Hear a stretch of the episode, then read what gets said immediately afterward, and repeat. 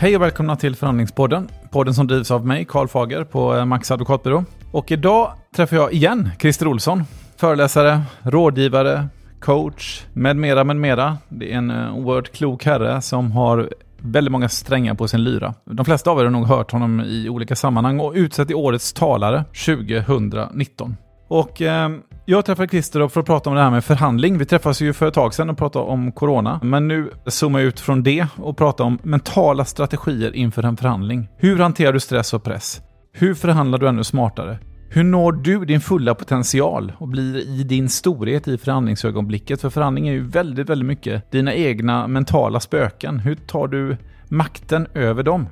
Så eh, luta er tillbaka eh, och eh, tillsammans med Christer Olsson så ska ni få lära er hur ni ska tänka för att bli ännu bättre förhandlare. Ta hand om er där ute. Nu kör vi!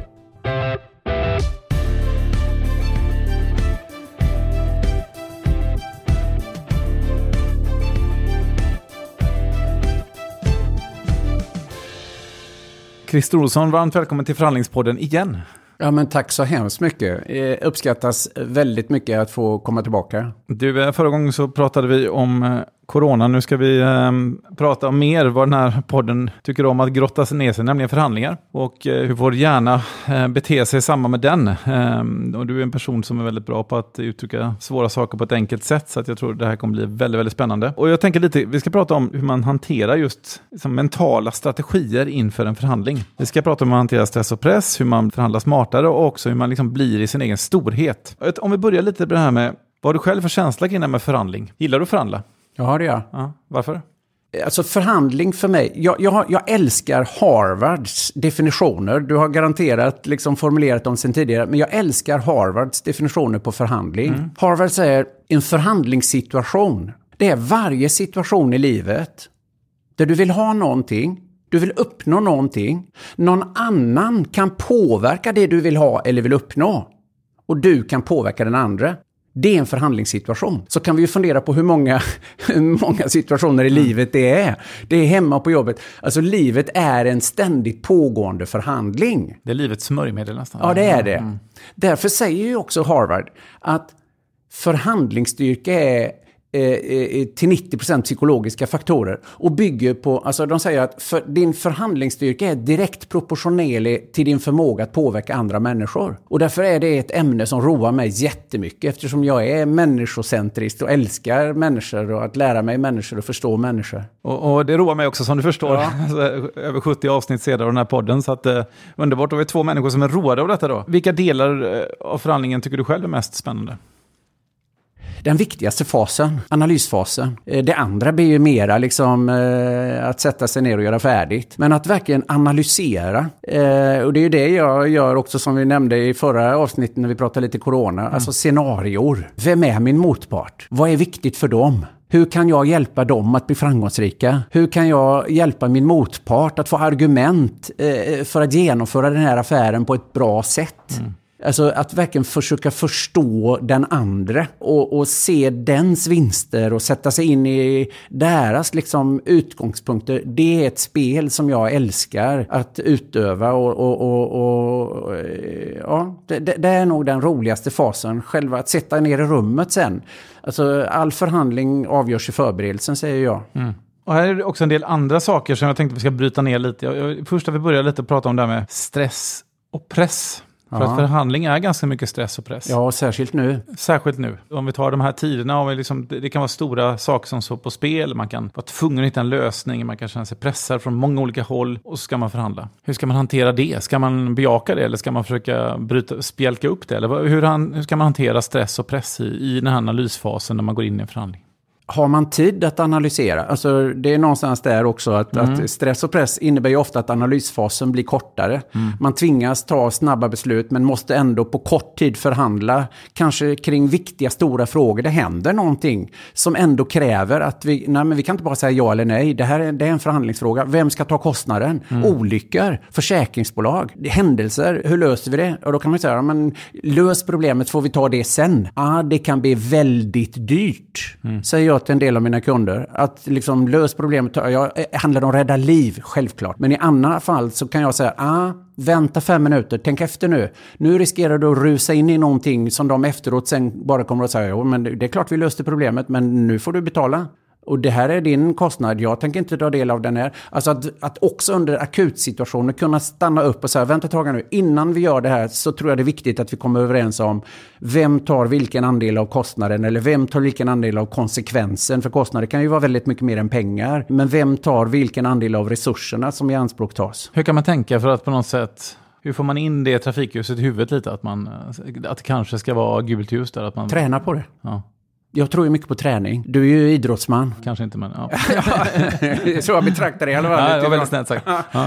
Eh, och jag drar ju den parallellen i väldigt många sammanhang. Jag, jag coachade faktiskt en, en, internationell vd som just nu befann sig i Kuwait här mm. innan vi satte oss ner, du och jag. Mm. Och fascinerande nog så pratade vi om olika saker och han upplever en väldigt stor press för närvarande. Mm. Och då, då frågade jag honom eh, om han tränar fysiskt. Eh, de flesta av oss har ju läst Anders Hansens eh, Järnstark, mm. som ju egentligen bara handlar om att träna kroppen för att eh, må bättre i knoppen. Och då frågade jag honom om han tränar. Ja, det gjorde han. Bra. Och hur tränar du hjärnan? Alltså hur tränar, hur tränar du liksom eh, psykiskt? Ja, det gjorde han ju inte överhuvudtaget. Eh, och jag tror ju på det att vi behöver det. Vi behöver träna på beslutsfattande, vi behöver träna på krishantering. Det är ju det som väldigt många organisationer nu hamnar med byxorna nere. Man har inte liksom, man hade ingen beredskap på krishantering. Jag ser ju skillnad i, i många ledningsgrupper som jag jobbar med som kanske har haft liksom, jag har jobbat mycket med polisen, jag har jobbat en hel del med brandkåren och så här.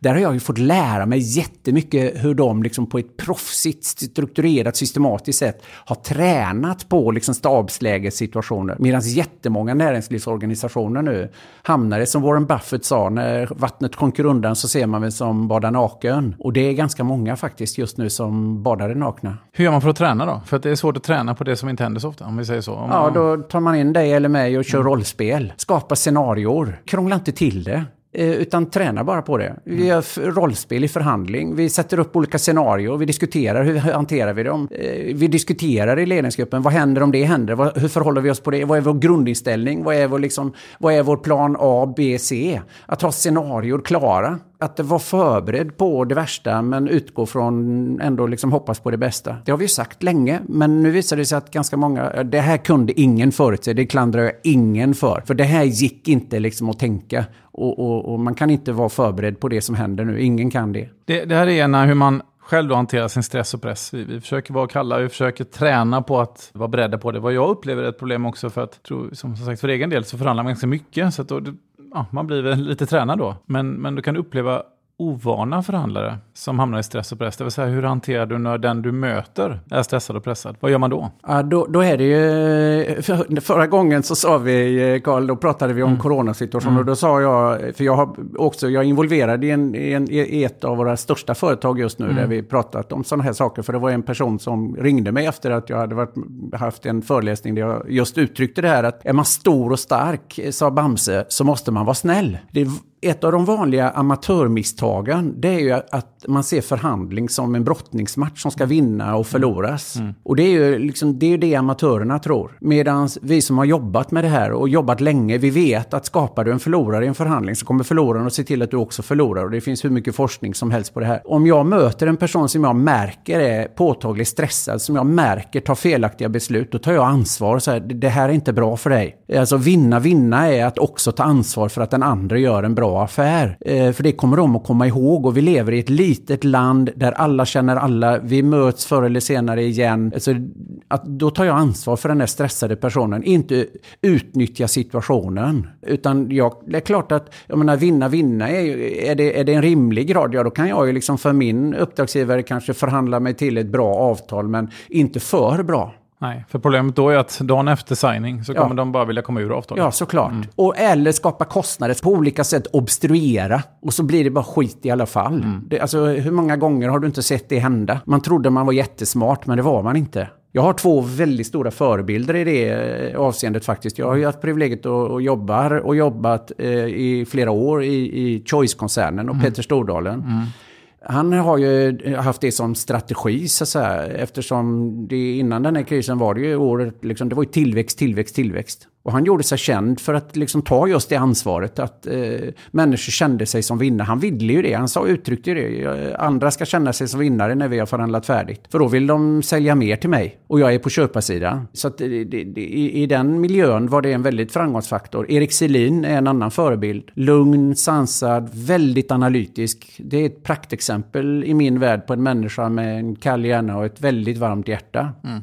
Och jag ser en del duktiga affärsmän och kvinnor som tror de säger att de ber att få ett förslag och sen lägger de på det. Och då vet de att de har en väldigt, väldigt motiverad ja, säljare. partner ja, ja. eller säljare eller vad, vad, det nu är. Och då kan du komma tillbaka. Alltså talar vi lite större affärer så blir det alltid problem i alla affärer. Och har man då skapat en dålig stämning och en dålig relation, mm. då kan man inte lösa problemen och där kommer ofta kostnaderna sen. Det blir, det är, du kan inte förutse allt, man försöker ju det. Och, och, och proffs som du mm. eh, eh, på, på avtal försöker täcka in alla eventualiteter. Men vi lever väl i allra högsta grad just nu på att alla eventualiteter går inte att täcka in. Och då är det liksom, har man då en god relation och en bra relation, ja då löser man de problemen i samma välvilja man hade när man förhandlade. Och det tror jag är en av de största misstagen just som, som amatörer gör. Att man tror att det är en invig, det är vinna förlora. Jag, jag ska vara smart nu. Nej, det ska du inte vara. Du ska vara klok. Sen behöver vinna, vinna inte innebära att det är 50-50, någon svensk kompromiss. Men jag tror den här idén vi pratar om nu är väldigt central. Mm. En annan viktig, viktig sak när man förhandlar, det är ju på något sätt att man tror på sig själv, att man på något sätt är i sin storhet. Ja, någonting jag alltid coachat team och så förhandlingsteam, att ni, ni, måste liksom tro på det ni ska sälja eller köpa. Eller, alltså mer, man, man måste ja. tro på sig själv. Hur ska man nå dit? Hur ska man bli så bra man kan bli? Analysera det. Våga sätta dig och göra ett T-konto. Vad är våra styrkor? Mm. Vad har vi för utgångspunkt? För det, det, det är som vi sa förut, Harvard, eh, när de forskar på det så säger de ju att 90% av din förhandlingsstyrka är psykologiska faktorer som bygger på en känsla av legitimitet. Att jag upplever att jag har en legitima krav i den här förhandlingen. Eh, och när jag upplever verkligen i mig själv att jag har legitima krav, då är jag väldigt stark i förhandlingen. Det här är inte fair och vi människor har en inneboende djupare känsla av fairness. Mm. Och det är den som visar sig i samhället nu. Mm. Och den har vi genetiskt med oss. Det är ju därför vi också, när du, du har ju sett mycket och läst mycket forskning om förhandling. Alltså när vi gör sådana här olika förhandlingsspel så säger människor, nej de tar hellre noll än att det blir en unfair deal. Mm. Ja, men du får, du får 30 så behåller jag 70. Nej, Ja, men då får du ju ingenting. Ja, jag tar heller ingenting än mm. att det blir en unfair deal. Mm. Det tror jag liksom är en jätteviktig faktor. Att, att psykologiskt gå igenom vad är våra rättmätiga krav och vad grundar vi dem på? Liksom, och verkligen grotta i det. Det, det, det är ju det som är förberedelsen då. Och också titta på vad är, vad är våran styrkeposition? Mm. Men också titta på och vilka svagheter finns det. Men att verkligen medvetet prata om oss själva med vad är vi starka på, vad är vi bra på, vad har vi för, för situation. Alltså medvetet bara sitta och räkna upp starka faktorer. Både på, på en organisatorisk nivå men också på individuell nivå. Precis, för det är inte sällan som man också så att säga, är sig själv. Det kan vara att man till och med säljer sig själv. Man kanske är man kanske är fotbollsspelare eller arbetstagare eller eh, föreläsare eller eh, vd eller sådär. Och, då blir det till och med, då är det kanske ännu svårare att tycka att, man, att ett legitimt krav, för att det är lätt att förminska sig själv. Ja, ja det, det är min vardag. Det, alltså när jag började jobba med det här, jag eh, började jobba på Volvo när jag slutade nian. Och, och jag har ju många av mina vänner och, och, och, och människor runt mig hemma på Öckerö som, som har så, så, kallat vanliga jobb. Och jag jobbar som föreläsare och top management-konsult. Eh, och de arvodena som jag har kan ju kännas oförskämda ibland. Och där har jag ju verkligen fått sätta mig ner och analysera vad bidrar jag med? Och det är ju där jag är väldigt noga också med mina kunder. För eh, jag lever inte på prat, jag lever på resultat. Eh, därför är jag också väldigt noga med att följa upp mina jobb. Vad har hänt konkret? Vad ska hända? Vad kommer du att göra när jag är färdig? Och jag är väldigt, väldigt trygg i och, och, och räknar ofta på det här och kan också sitta i situationer med kunder liksom, som, kan, som kan säga att ja, men, men Christer, jag tycker du är dyr. Ja, men tycker du jag är dyr så ska du inte använda mig. Alltså tror du inte att jag är värd pengarna så ska du inte använda mig. Och så, ja, men jo, förlåt, förlåt, du är säkert värd varenda öre. Ja, men ursäkta, då kan du inte vara dyr. Utan någonstans får vi ju prata om vad är värdet? Mm. Och det måste vi våga räkna på själva. Och när vi räknar på vad, alltså det du som advokat kan hjälpa en klient med att eliminera, för man hör, ja men advokater är så dyra. Ja, alltså det är ju lite grann det här, if you think security is a cost, try an accident. Mm. Alltså, vad, vad är alternativet? Det är klart att vi, vi ska ha betalt i förhållande till det värde vi tillför. Och därför måste vi också våga räkna på det värde vi tillför. Annars kommer vi att känna oss som bedragare när vi begär våra arvoden. Mm. Och det är livsfarligt. För då kommer vi att bli väldigt förhandlingsbara. Ja, verkligen. Ja, det gäller att vara väldigt trygg där, just att, ja. man, att man tillför ett värde. Men jag tänker också på ett personligt plan. En del kan ju till och med bara ha självkänsla-problem eller självförtroende-problem som är liksom kanske djupare än det här värdet man kan tillföra. Ja. Hur, hur ska man på något sätt inte hamna i sådana fällor, att man förminskar sig själv på ett mer mänskligt plan? Där jobbar jag ju med en hel del, när jag coachar, på individnivå coachar människor, oavsett om det vi handlar om förhandling eller ledarskap, då är vi ju inne på det här imposter syndrome som jag har forskat mycket i. Jag är inte så duktig som någon tror, tänk om de kommer på mig. Och i grunden, alltså väldigt många känner ju sig väldigt starka när de kommer, alltså vi skojar ju ofta om det, liksom när jag, när jag kommer ur eh, min masterutbildning eller när jag kommer ut ifrån juristexamen eller då vet jag allt jag kan och därför tror jag att jag kan allt. Där är man ju som bäst. Ja. Han var ju aldrig bättre. Nej. Och, det, och det, är, det, det, är så underbart, mm. den känslan. Liksom. Mm. Jag vet allt jag vet och jag tror att jag vet allt. För jag har ju gått alla dessa linjer och träffat alla dessa fantastiska lärare och så. Och sen kommer vardagen och möter mig. Eh, och jag inser liksom, skit, det var inte så enkelt som det stod i boken och det, det börjar inträffa ett antal saker.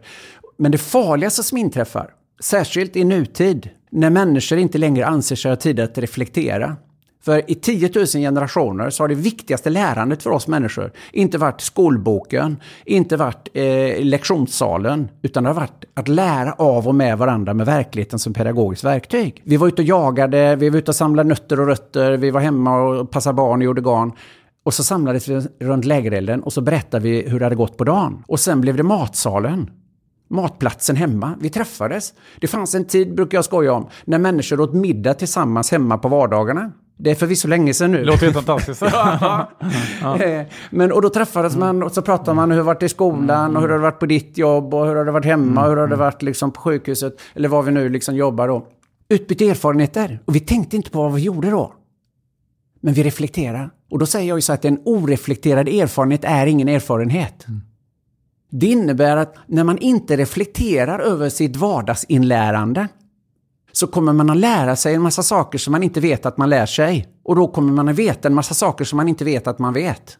Och, och, det innebär att andra människor kommer att uppleva, för din hjärna är ju inte dummare än att den använder både din implicita och explicita kunskap. Den använder ju både din medvetna och din omedvetna kunskap. Och det innebär att andra kommer att uppfatta dig som mer kapabel, kompetent, färdig och förmögen utifrån och in än du upplever dig inifrån och ut. För du upplever ju dig själv bara använda din medvetna kunskap, det du vet att du vet din examina och det du har mm, läst in mm. och kurser och liksom det här. Och där, är, där finns en enorm källa eh, att verkligen sätta, och jag gör ju då, inventerar ju det med människor som jag coachar. Vad har hänt dig i livet? Och så går vi igenom verkligen för att någonstans rekapitulera. Om du nu inte har reflekterat så rekapitulerar vi ditt liv. Skit i om det är kronologisk ordning.